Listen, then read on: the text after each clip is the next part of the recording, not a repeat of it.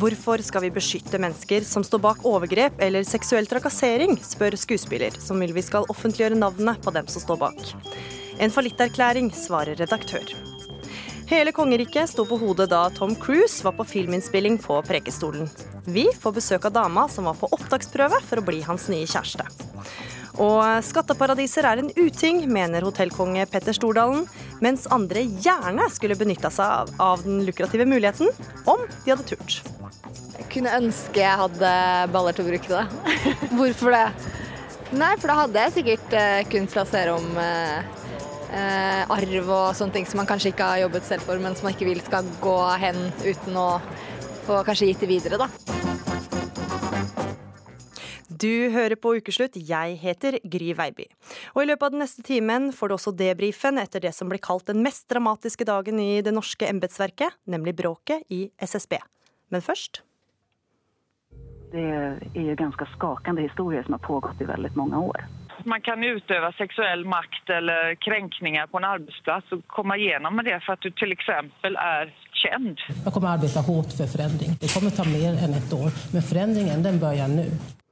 Det er oppvask i Sverige etter at rundt 600 svenske skuespillere så langt har slutta opp om oppropet mot seksuelle overgrep og vold i Svenska Dagbladet.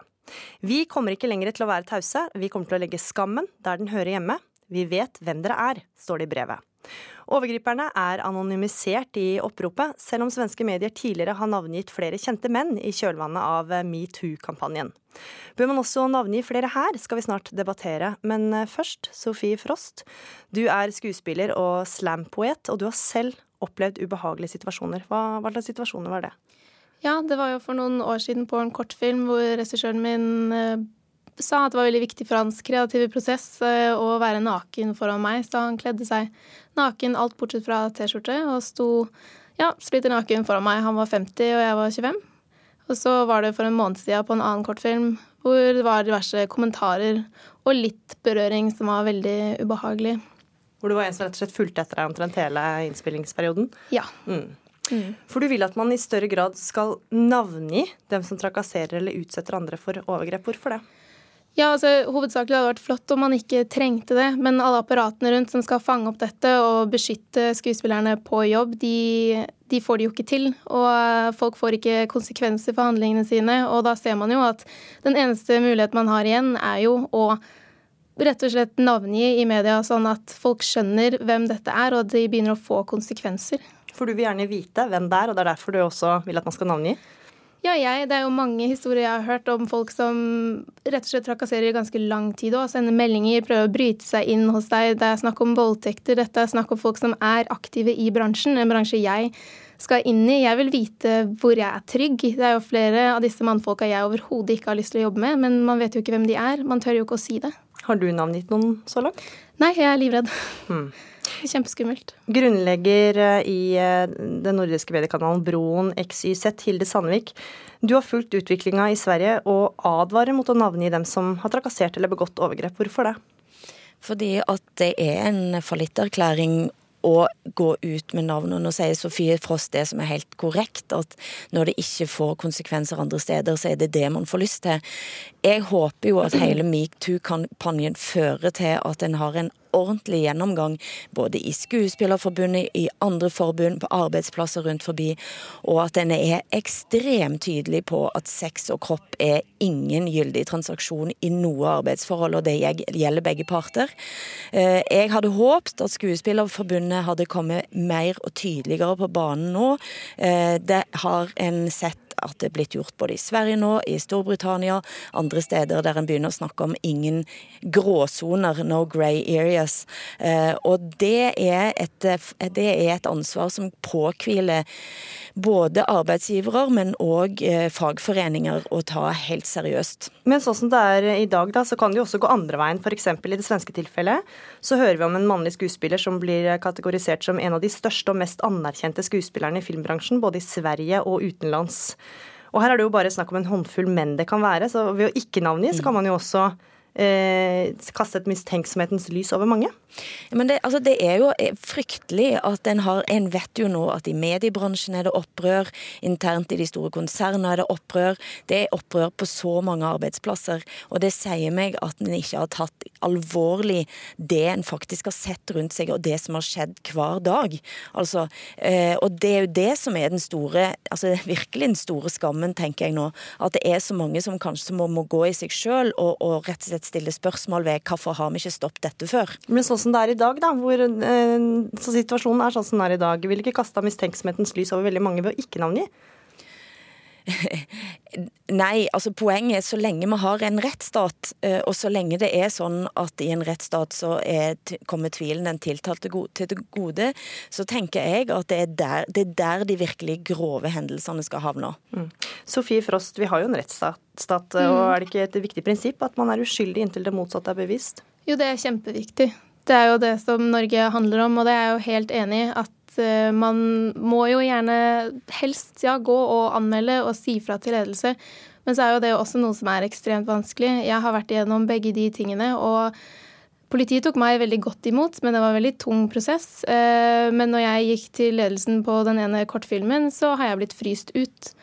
Så det er jo en ganske vanskelig situasjon. Men jeg tenker jo at det som er snakk om her nå, så tar jo denne rettsstaten og feiler oss kvinner. Hvis du bare leser alle disse historiene som skjer i Sverige, disse skjer i Norge òg. Jeg har hørt det, jeg har hørt kjempemange lignende historier. Er, Norge er ikke et unntak, så ting må skje. Men samtidig er det jo noen som mener at de er utsatt for falske anklager. En av dem er da Ed Westwick fra TV-serien Gossip Girl, som eh, nå nylig kom det nyheter om at han er anklaga for flere voldtekter. Og BBC da utsetter da to kommende serier som han spiller. Hva, hva om de faktisk ikke er skyldige i det de blir beskyldt for? Det er jo utrolig synd. Eh, men her må man også tenke litt faktabasert. At det er ekstremt sjeldent at det kommer falske anmeldelser. fordi i hvert fall i sånne her saker, så det er en vanlig unnskyldning, eller noe man sier det er en form for hersketeknikk å snakke om alle disse falske anklagelsene som rett og slett ikke er falske. Jeg vet hvor vanskelig det er å skulle gå og si ifra om en sånn her sak. Mm. At det gjør man ikke. Det er fryktelig vanskelig, og nettopp derfor òg så håper jeg at den metoo-kampanjen nå fører til at alle går i seg sjøl og tenker på situasjoner der en kunne grepe inn overfor andre. Mm. Eh, og vært veldig tydelig der og da. Jeg tenkte veldig på det etter at Sara Sørheim skrev sin kommentar i Aftenposten. Eh, jeg har møtt folk som sier Hvor hun forteller at hun ble hun, Ja, der, der, var det en mann som ville kysse henne. Det, mm. var, altså, det også er spørsmålet ok, men hvor, hvor viktig og, og, vanskelig var det? Men, men jo, det er en ekstremt ubehagelig situasjon. Eh, og der vet jeg om folk som sier at de så og ikke agerte. Mm. Eh, og det er et eller annet der, da. Hva er det som gjør at en ikke agerer i sånne sammenhenger? Eh, jeg håper jo at metoo-kampanjen gir oss både et språk og en mulighet til å sette grenser, eh, men òg å være tydelig på at dette er ingen gyldig transaksjon. Og det gjelder begge, både menn og det gjelder kvinner. Men Sandvik, eh, flere av de som har blitt navngitt, innrømmer jo at noe har skjedd. altså Fra USA, da. Senest i går så hørte vi om den amerikanske komikeren Louis C.K., mm. som nå beklager alt og sier at anklagene stemmer. Tror du vi ville fått disse innrømmelsene hvis de ikke hadde blitt uh, navngitt? Kunne de ikke bare fortsatt sånn som de har gjort? Nei, altså Det er jo forferdelig vanskelig å si. Altså Jeg håper jo inderlig at det er sånn at en ber om unnskyldning selv om en ikke blir navngitt. Altså Jeg håper jo eh, inntil det motsatte bevist at folk eier skamfølelse, for å si det sånn. Eh, men det, altså det, det er, det er, jo det er fryktelig vanskelig problemstilling, akkurat det. Det jeg bare merker, er at den tendensen til å ville oute både det ene og det andre i sosiale medier, det fører galt av sted. Og én ting er de sakene der du er enig i eh, premisset, sant. Eh, men den neste dagen så kan det være noe helt annet som en ønsker å begynne å, å oute. Mm. Altså, og det, det, det, er den tendensen der jeg syns er forferdelig farlig, eh, rett og slett. Og så kan det også være straffbart å navngi dersom det er grove anklager som ikke kan sannsynliggjøres. Ja, det kan det òg. Hilde Sandvik, redaktør i Broen XYZ, og Sofie Frost, skuespiller og slampoet, takk for at dere kom til Ukeslutt.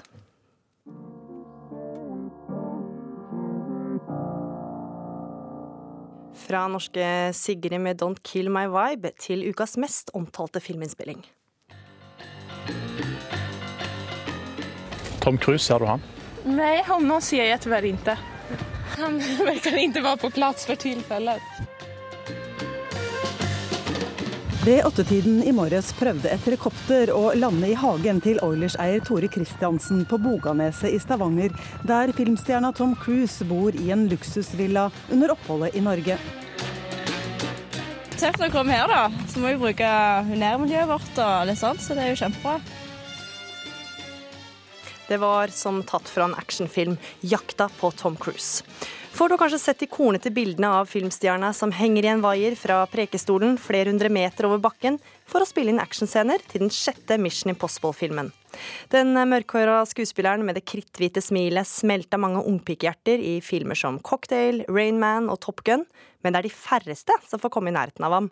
Anette Irén Isene, du var tidligere medlem av Scientologikirken, som Tom Cruise også er. Og du sier du holdt på å bli fru Cruise. Hva var det som skjedde? Nei, det, det viste at jeg var med på en audition for å bli eh, Tom Cruises neste kone, eller potensiell kjæreste. Og det fant jeg ut syv år etter at en audition eh, foregikk, da. I København. Så... Hvordan var den audition? Nei, jeg ble ringt opp og spurt om jeg ville gjøre en audition for en scientologi-treningsfilm, en sånn utdannings, i utdanningsøyemed. Og så tenkte jeg det høres jo spennende ut. Det, det kan jeg jo bli med på. Og så kom jeg inn der, og, og, da var det liksom et team der fra LA som skulle filme. Og, og, så var det litt annerledes. Jeg fikk ikke noen replikker eller noen ting. Jeg skulle bare prate om meg selv. Men før det så var det et eh, makeup-team der, så jeg skulle sminkes masse. Og det var liksom skikkelig glam, da. Og, men jeg tenkte ikke så mye over det egentlig, fordi jeg hadde aldri vært på audition før fordi jeg studerte veterinærmedisin på det tidspunkt, så det var litt utenfor mitt fagområde. Men eh, Så jeg bare alle, besvarte alle spørsmålene jeg fikk. Hva slags spørsmål var det du fikk, da? Nei, Det var jeg skulle fortelle om meg selv, hva jeg drev med, litt om utdanning, hva jeg har gjort i scientologi osv. osv. Fordi jeg hadde vært litt på radaren, fordi annet så var jeg som frivillig hjelper da, med førstehjelp på sånn, eh, etter tsunamien eh, Sri Lanka. 2004, slutten der. Så da var de og filmet meg og gjorde noen intervjuer, og så har jeg vært avbildet i noen av deres magasiner og sånn. Så, så, jeg tenkte liksom det var en oppfølger på det, da. Men så er det først da syv år etterpå, når jeg går ut av scientologi og hører om det her, så skjønner jeg at det er det jeg har vært med på, da. Ja, for du var rett og slett med på en utvelgelse til å bli Tom Cruise sin nye kjæreste? Ja.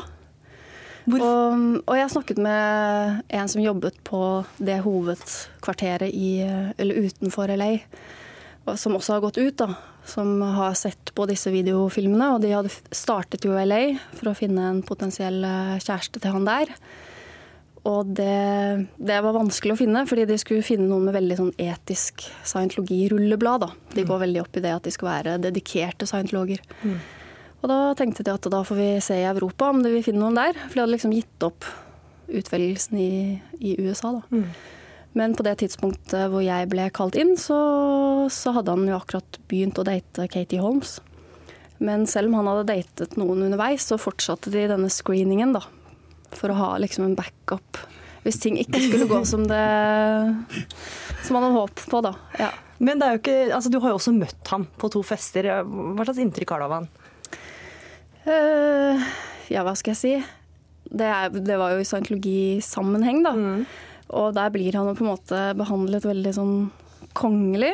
Og det er kanskje det han liker ved å fortsatt være medlem der også. Mm.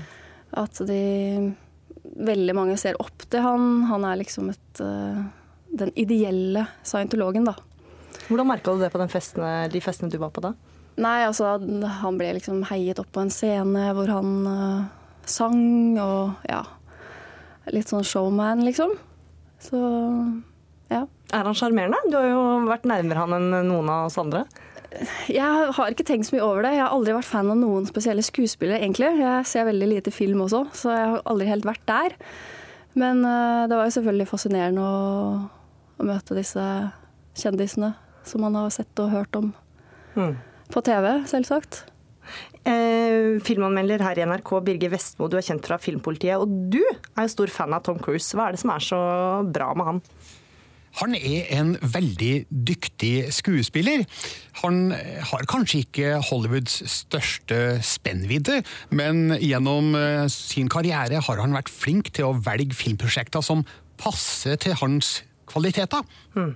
Og så har han vært flink til å knytte seg til uh, filmskapere av uh, høy kvalitet. Hvis vi, hvis vi, ser på de han har jobba sammen med, så finner vi navn som Francis Ford Coppola, Martin Scorsese, Oliver Stone, Steven Spielberg og så videre og så videre.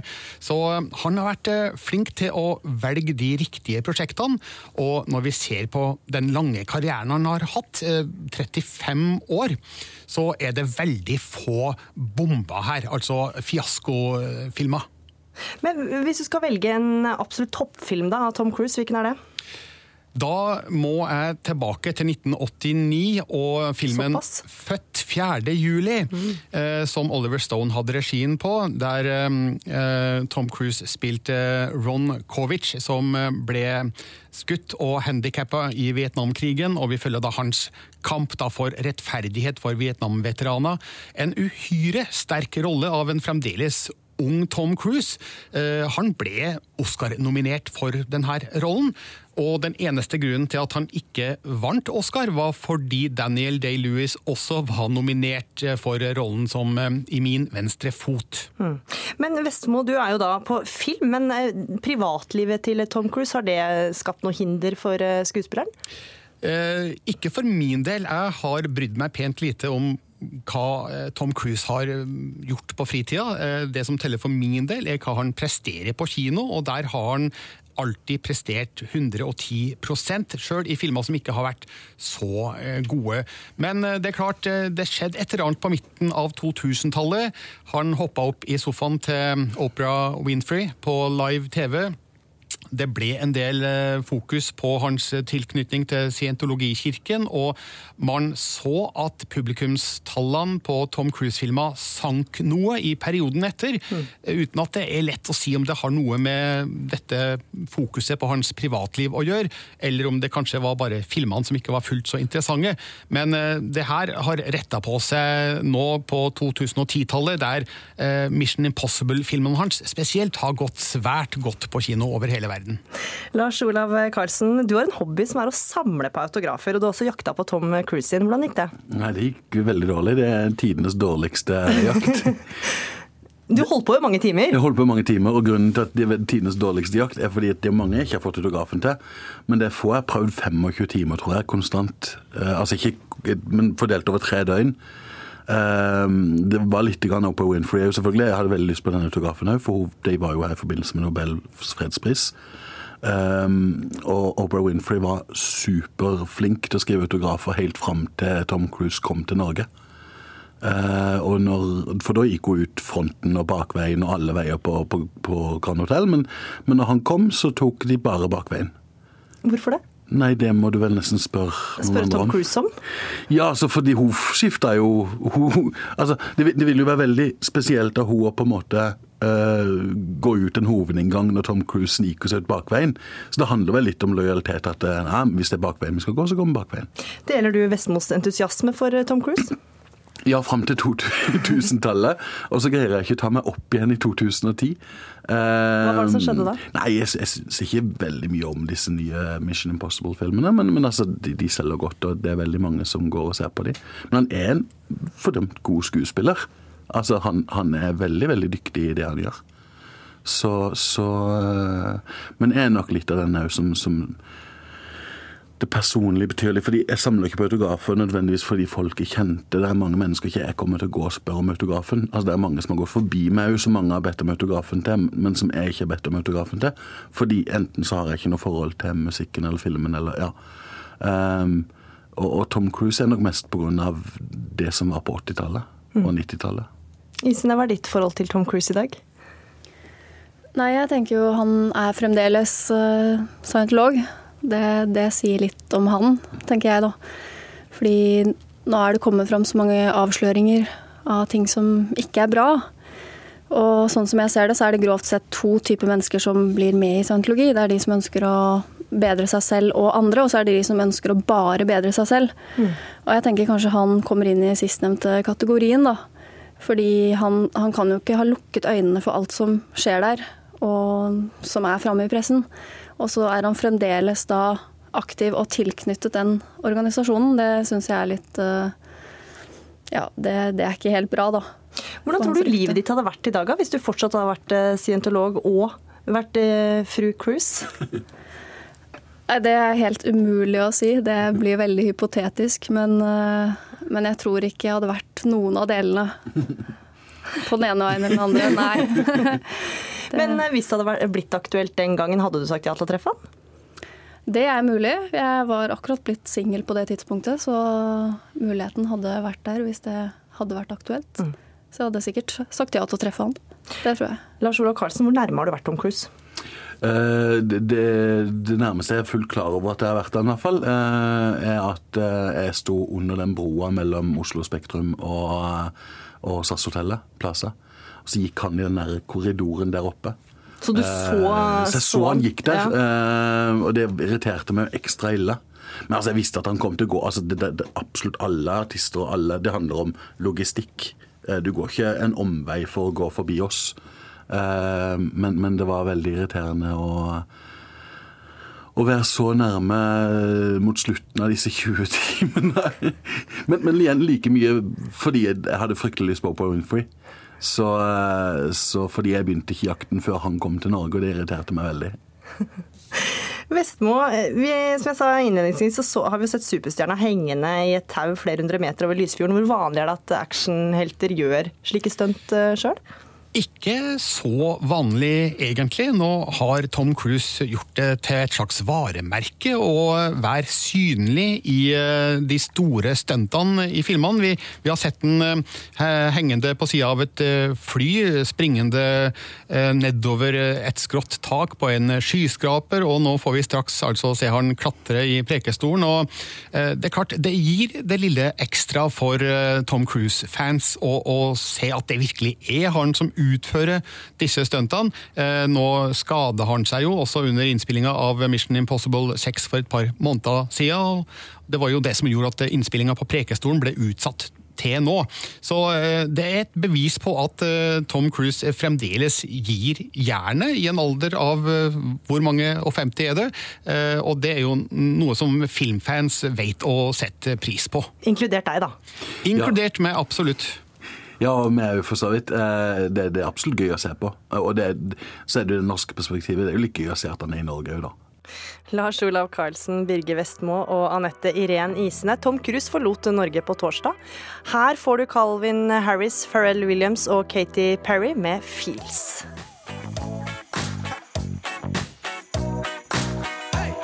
Her hørte du Calvin Harris, Pharrell Williams og Katy Perry med 'Feels'. Betaler du din skatt med glede, eller drømmer du om å gjøre som eh, dronning Elizabeth, eh, USAs handelsminister, Shakira, Apple og Nike, og flytte pengene dine til land med litt lavere skatt, som eh, Bermuda, Panama eller Cayman Islands? Denne uka har nye dokumenter blitt frigitt, som viser omfattende bruk av skatteparadis. Vi tok en tur til framtidas næringslivstopper og bedriftseiere, studentene på Handelshøyskolen BI i Oslo for å ta tempen på skatteviljen. Betaler du skatt? Jepp, det gjør jeg. Betaler du denne skatten med glede? Ja. Hva syns du om bruken av eh, skatteparadis? De som bruker det, er jo allerede de som har masse penger fra før Det er feigt. Det blir litt sånn onkel Skrue-opplegg. Betaler du skatt? Ja. Betaler du denne skatten med glede? Ja, det vil jeg si. Betaler du skatt? Ja. Betaler du denne skatten med glede? Nei. Hvorfor det? Nei, jeg syns det er veldig mye. Mye å betale. Det er Én ting er normalskatt, men eh, eiendomsskatt og formuesskatt og sånn er kanskje litt surere. Hva syns du om bruken av skatteparadis? Jeg kunne ønske jeg hadde baller til å bruke det. Hvorfor det? Nei, for da hadde jeg sikkert uh, kunnet plassere om uh, uh, arv og sånne ting som man kanskje ikke har jobbet selv for, men som man ikke vil skal gå hen uten å få kanskje gitt det videre da, til noen. Vi vil ha penger, baby. En bag med penger. Cash til å kjøpe all dritten vi trenger. Og når vi har fått nok, så vil vi ha mer. Så vil vi ha mer. Et skatteparadis er et sted der du betaler lite eller ingen skatt, og der du kan eh, skjule hvem du er. Og selskapet ditt. Sigrid Klæbo Jacobsen er mer enn gjennomsnittet opptatt av rettferdig skatt, for hun er daglig leder i Tax Justice Network. Mer fra hun snart, men først, vi må en tur innom Karibien.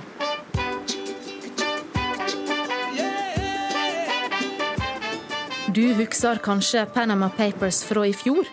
Tidenes største dokumentlekkasje med 11 millioner dokument. Nå er nye dokument lekka fra bl.a. et advokatfirma på Bermuda, kunne et internasjonalt journalistnettverk og Aftenposten avsløre denne veka. My lords and members of the House of Commons, I pray that the blessing of Almighty God may rest upon your councils. Dronning Elisabeth skal ha investert 100 millioner kroner i skatteparadis, var ett av funnene. I tillegg, USAs handelsminister gjør forretninger med svigersønnen til Vladimir Putin. Og noen av verdens største selskap, som Nike, Apple og Google, har organisert seg på en så kreativ måte, gjerne gjennom skatteparadis, at de betaler særs lite skatt, ifølge Aftenposten som også mener de kan knytte 1000 nordmenn til skatteparadis. Ja, det det viser eh, med all mulig tydelighet, er jo at vi er inne i en eh, global skattekrise. Vi ser at de største selskapene og de rikeste personene har eh, enorme muligheter for å gjemme pengene sine, og de gjør det. Vi vet at bruken øker. Vi vet, at, vi vet hvem som, som bruker skatteparadisene. Det er de største. Det er de rikeste i samfunnet vårt. Og, så vi har fått et helt unikt bilde på hvor, eh, hvordan skatteparadisene har på en måte befesta seg i økonomien. De har blitt en helt integrert del av det. Det er rett og slett ekstremt alvorlig, det vi, det vi nå ser. Er det umoralsk å bruke skatteparadis? Ja, helt klart.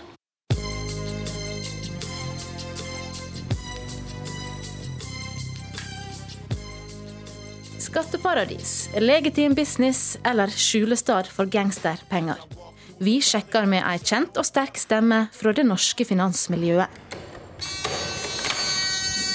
Hei. hei. Jeg har en avtale med Jan Petter Sissener. Det er fra NRK. Ja, Jeg er på vei inn til kontoret til investor og aksjemekler Jan Petter Sissener. Vi ser på dette som en ukebladstory. Jeg beklager, men altså Witch-hunten er det. Her også så syns jeg man eh, går veldig kraftig ut og anklager alle som har kontoer på Bahamas som om de var kjeltringer. Det er faktisk lov, eh, dette her. Så kan man diskutere moralen i det, men eh, det å drive med skatteplanlegging har man drevet med i mange mange tusener av år.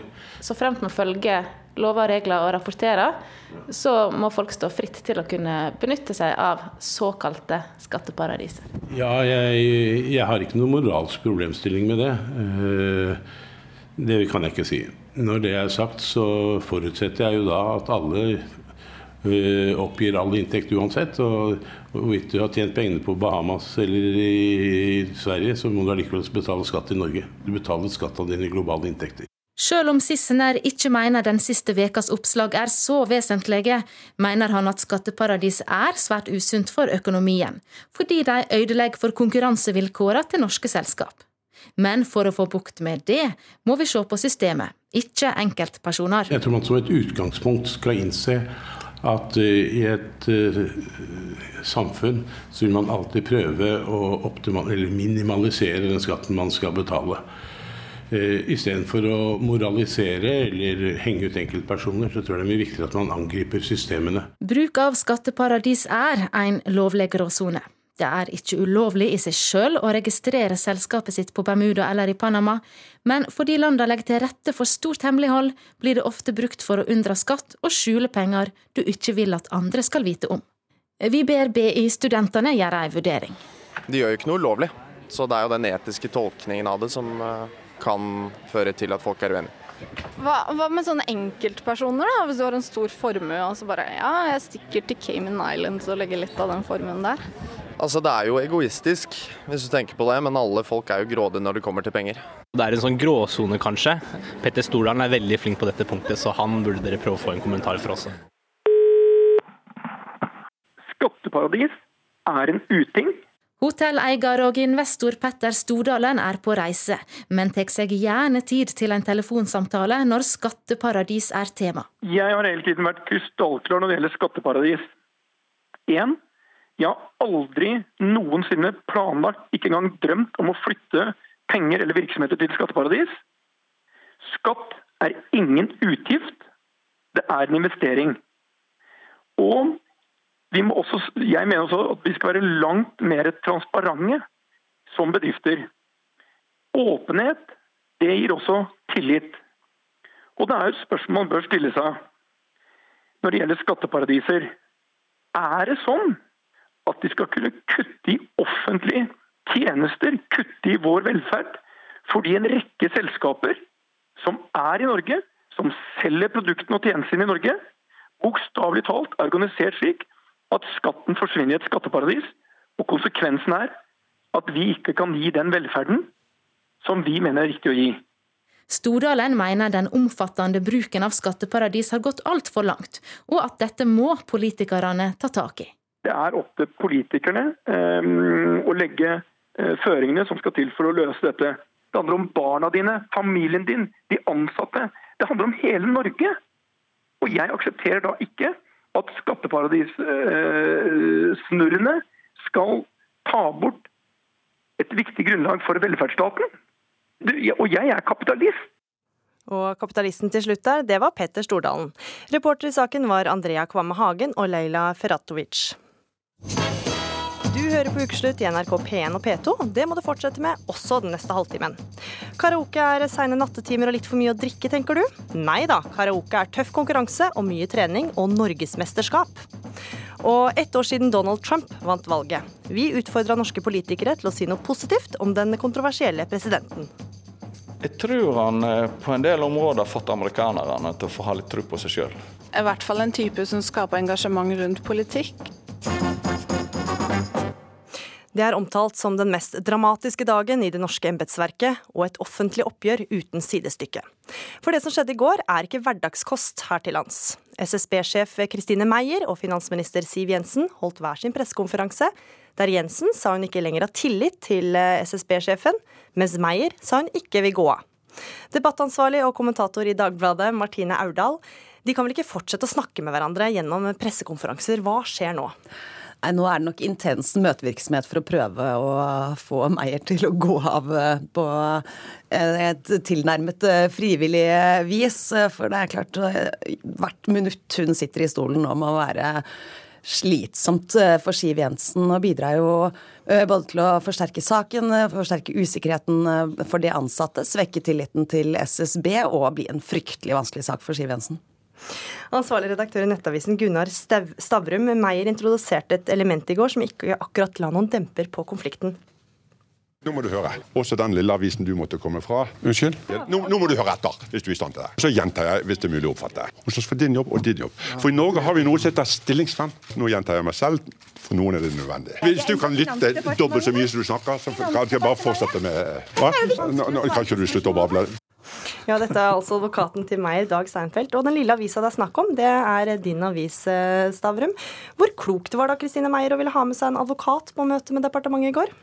Nei, altså når du ikke trodde det kunne bli verre, en verre såpeopera, så kommer det jaggu en ny elefant inn i glassbutikken. Eh, Dag Steinfeld er den siste du ville valgt hvis du ville dempe konflikten. Han er en støyende storkjefta bergenser, og det bar, bar pressekonferansen preger.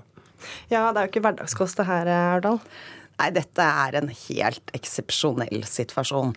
Det som er eh, vanlig praksis i norsk byråkrati, er jo at man eh, tar hatten sin og går pent av hvis man aner at man ikke har eh, tillit hos eh, statsråden.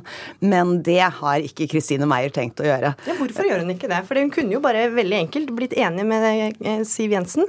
At her har vi sammen kommet fram til at jeg skal tre av. Det kunne hun ha gjort, men her har hun tenkt å lage mye uh, støy uh, før hun går. Og denne saken reiser en del prinsipielle spørsmål som er veldig interessante. Hvis Meyer nekter å trekke seg, så er det faktisk uh, juridisk ganske komplisert for Siv Jensen å bli kvitt henne. For dette er en tjenestemann ansatt av Kongen i statsråd. Så, så Siv Jensen har jo ikke anledning til å si henne opp, men du kan si at hun ikke har tillit til henne? Ja, I hvert fall så er det et juridisk komplisert spørsmål om hun skal uh, kunne si henne opp eller ikke. Og dette er jo det Meyer nå uh, trekker fram. For uh, SSB er og skal være et uavhengig eh, byrå. Eh, og hun sa jo på allmøtet i SSB i går at hun eh, ikke er avhengig av statsrådens tillit til denne jobben.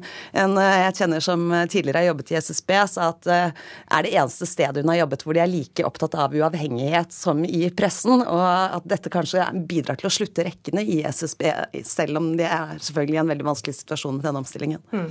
Stavrum, hva gjør denne saken her med tilliten til SSB, da? Altså Det er klart at det er helt ødeleggende for Statistisk sentralbyrå og disse ukene som har vært nå. For hver dag som går, så, så svekker det tilliten til SSB som en uavhengig og for så vidt objektiv statistikkinstans. Det svekker tilliten til lederen på Statistisk sentralbyrå, og på en måte er det også litt ødeleggende for finansministeren. For det er jo, det er jo ingen som er tjent med den såpeoperaen vi ser nå. Så det er klart at denne saken må løses eh, så fort som mulig. For det er jo litt komplisert eh, kjerne her, og de anklager begge eh, hverandre for ikke å ha tillit. Hva er det kjernen egentlig går ut på, Hørtal? Hmm. Ja, nå er det jo veldig mange forskjellige debatter som sauses sammen her, så vi skal ta det veldig kort, da. Det er jo en stor omstilling Kristine Meier er satt til å gjøre. Og jeg har lest tjeneste, nei, altså tildelingsbrevet fra departementet. Det er krystallklart på veldig mye uh, av det hun har gjort. Og sånn sett så har hun først og fremst gjort jobben sin, som uh, Finansdepartementet vil at hun skal gjøre. Det medfører selvfølgelig masse bråk blant de ansatte. Uh, og de tillitsvalgte har jo ropt varsku flere ganger underveis, og det må man jo kunne forvente. Og så har man jo flere andre eh, lignende tråder, bl.a. at uh, LO har klaget over at det er en høyere uh, utnevnelse med den direktøren. Det er selvfølgelig riktig, men også helt vanlig praksis blant norske regjeringer av alle farger. og så har du denne pikante situasjonen som har oppstått med at Erling Holmøy, forskeren bak dette omstridte innvandringsregnskapet, er en av de 25 personene som blir omplassert fra forskningsavdelingen. Og da han gikk ut, og den saken sprakk, var da også Siv Jensen involverte seg seg i saken. Og det er jo et problem for Siv Jensen, fordi at hvis det virkelig er den saken, og han spesifikt, uh, som er grunnen til at hun reagerer, så kan det ikke tolkes som noe annet enn politisk press og styring av en, et uavhengig uh, Eh, byrå som, eh, som, slår tilbake også da på finansministeren selv. Ja, Stavrum, er du enig i det? At det er litt politisk press her fra Jensens side? Ja, og altså, denne debatten har jo pågått i mange måneder i, i eh, økonomiavisene uten at den har virkelig tatt av. Det er først når innvandringselementet kom inn at den ble nærmest som å kaste en håndgranat inn i saken. Men, men det ble ikke bedre av at lederen for Statistisk sentralbyrå allerede ved tiltredelsen sa at hun ville ikke ha den slags type innvandringsregnskap. Og Det er jo også en veldig pussig utsagn av en, en, som skal være sjef for mm. statistikk, at du, det er noen tall hun ikke vil ha, fordi at det på en måte kan være negativt. For, Men så sier hun jo samtidig at som sjef så er ikke det noe som hefter ved henne, eller hun kommer ikke til å la det påvirke hvordan hun omorganiserer SSB? Nei, men det er klart at det påvirker jo altså Hun har også politisert konflikten, da, kan du si. Eh, så det er jo, det er jo helt, en konflikt som er helt eh, ubegripelig egentlig å få alle trådene i. Eh, men det som jeg syns er, rart, det er jo egentlig styrets opptreden. For vi har, hørt, vi har blitt kjent med ganske mange personer i denne konflikten, men jeg tror veldig få kan navnet på styreformannen. Og akkurat i går så syns jeg det er helt utrolig at styreformannen går ut av styremøtet, og det eneste han har å si, er ingen kommentar. Det er jo egentlig sånn at enten så får han si at alt som har skjedd, har skjedd med styrets støtte. Eller så får han si at her har, vi gått for fort fram, og Kristine Meyer har skylda. Men han sier ingen kommentar. Og han sier jo heller ikke noe her, for han er jo ikke til stede her. Eh, Martin Aurdal, hva er det som kommer til å skje nå framover? Nå sitter jo i intense møter. Det ligger frem, uh, an til mange flere episoder i dette spennende samtidsdramaet. uh, ja, er, jeg er veldig spent på om Siv Jensen klarer å presse Kristine Meyer, eventuelt betale henne nok uh, til å trekke seg. Og det er nok det mest sannsynlige. At de blir enige om en, at hun kommer til å gå av på den ene eller den andre måten med minst seks millioner kroner, som er det hun har igjen av lønnen i åremålet sitt. Eh, men hvis hun ikke gjør det, og Meyer fortsetter å sette hardt mot hardt på den måten som hun gjorde i går, så kan dette bli veldig langvarig, og det kan faktisk også ende i retten. Eh, jeg skal våge, våge, meg til å spå to ting. Det mest sannsynlige tror jeg er at de blir enige i løpet av helga i en eller annen form for sluttavtale. Eh, og eh, forhåpentligvis under 5,6 millioner et, annet, et, par år og etterlønn er veldig unker på. Jeg tror Hvis det ikke løses nå, så tror jeg at, at Siv Jensen vil, vil få et regjeringsvedtak på å si henne opp. Og da Eh, det er ikke tvil om at de har adgang til å si noe. Spørsmålet er på en måte om de har eh, saklig grunn for å gjøre det. Og da, da kan du få en lang eh, rettsrunde etterpå med krav om erstatning og sånt. Men jeg tror alle parter skjønner at det gjelder å bli enige, og det bør de bli nå i løpet av helga. Det kunne jo egne til noen morsomme episoder med denne Steinfeld, akkurat det der. Én ting er i hvert fall sikkert, vi kommer til å høre mer om denne saken. Takk for at dere var med i Ukeslutt, Gunnar Stavrum og Martine Aurdal.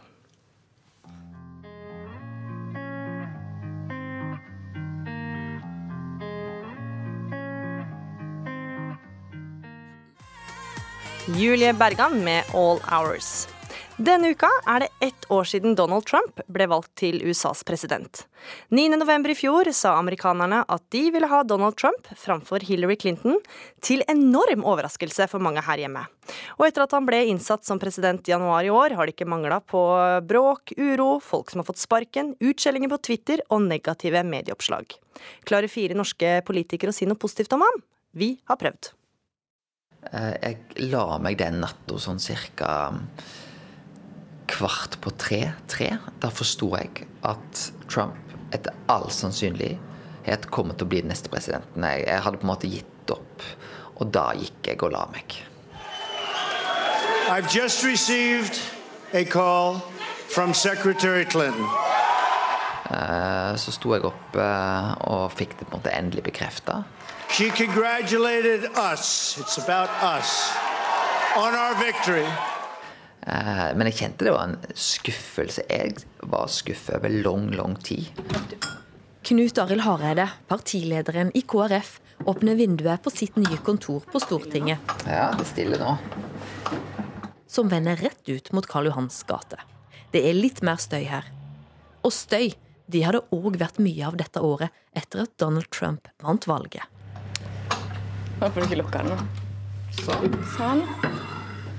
Så er spørsmålet er det mulig å få stortingspolitikerne til å si noe positivt om Donald Trump?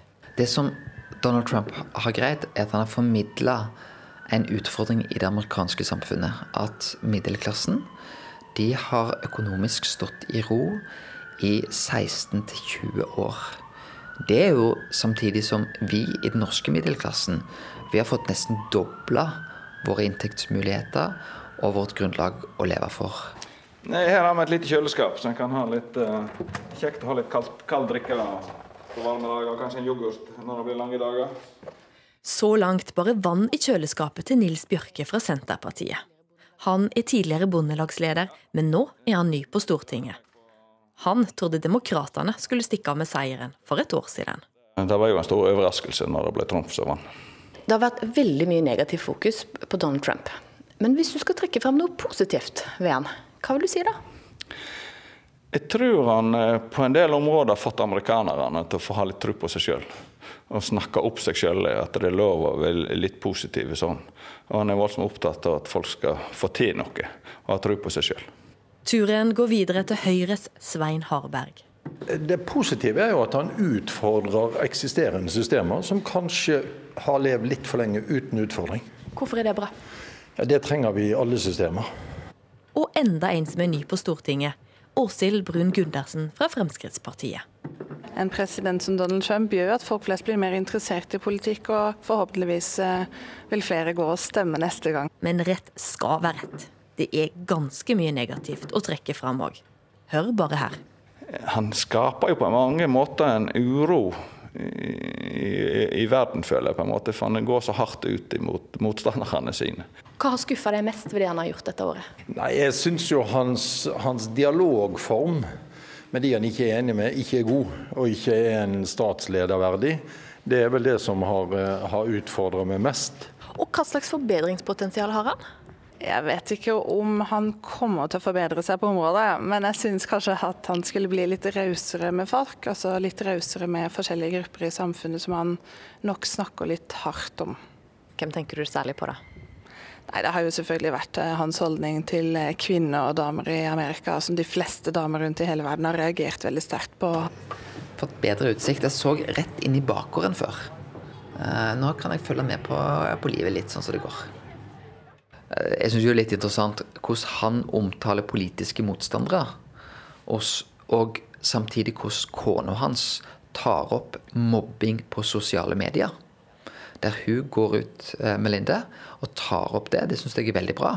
Men det hun bør gjøre, er å bare snu seg i ektesenga og si nå må du skjerpe deg, president. Da vil jo hun renske opp i de noen av de største mobbingene på sosiale medier.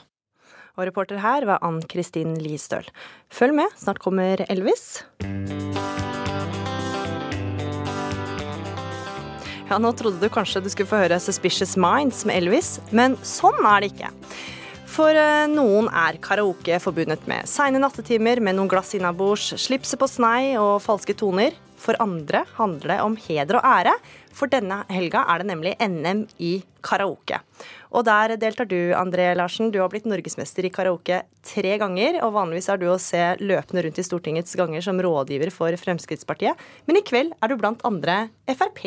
Vi skal snart få høre deg synge, men først, hva skal til for å bli norgesmester i karaoke?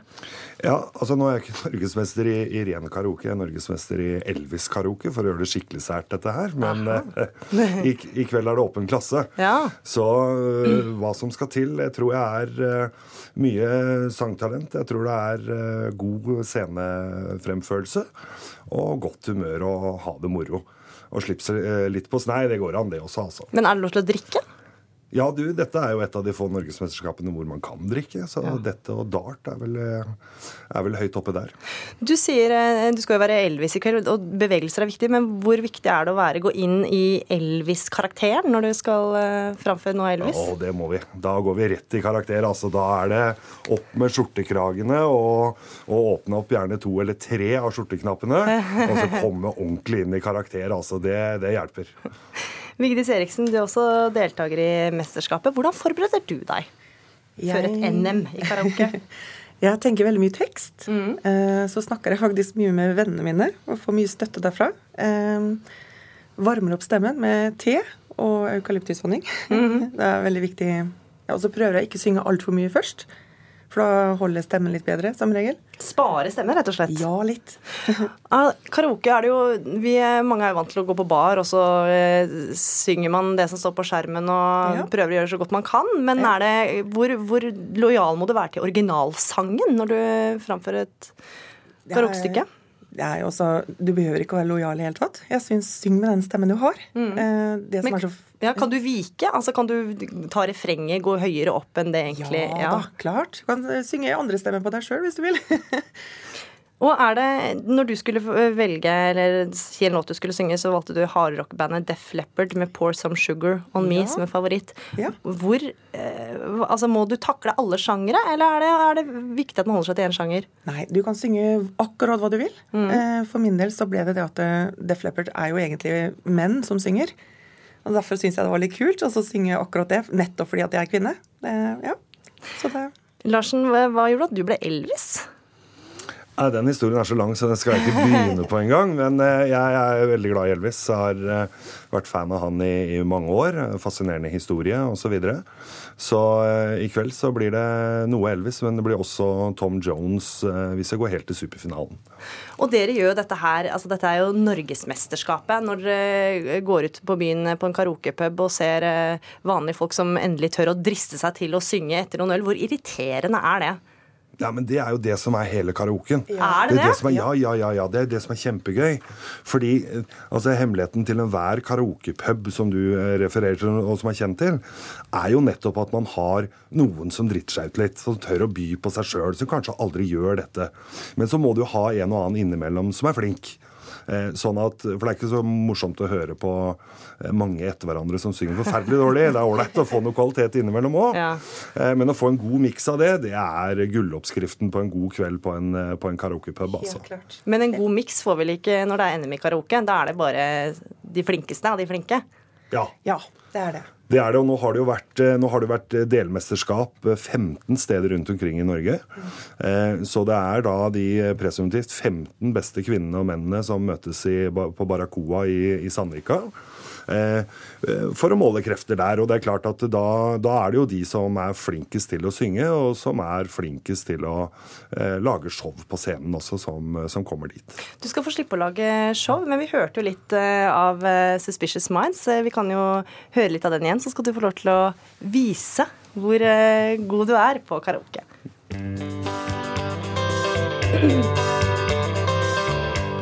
We caught in a trap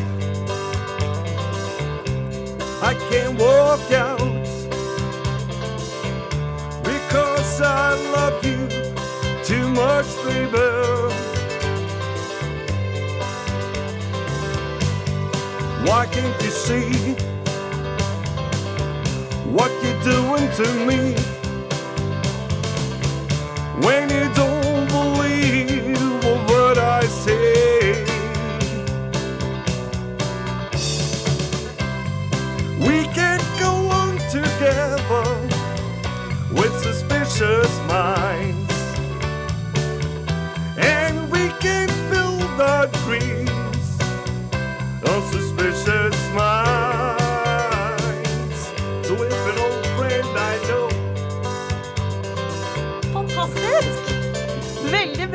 Tusen takk, André Larsen og Vigdis Eriksen, for at dere var med i Ukeslutt. Og lykke til på NM i karaoke i kveld. Ukeslutt er slutt, og ansvarlig for denne utgaven av Ukeslutt var Kari Li. Det tekniske ansvaret hadde Lisbeth Sellereite, og her i studio var Gry Veiby. Takk for at du hørte på. Ukeslutt kan du høre når du vil, og hvor du vil. Enten som podkast eller i NRKs nettspiller, som du finner på nrk.no. Du kan også høre oss i Alltid nyheter klokka fire.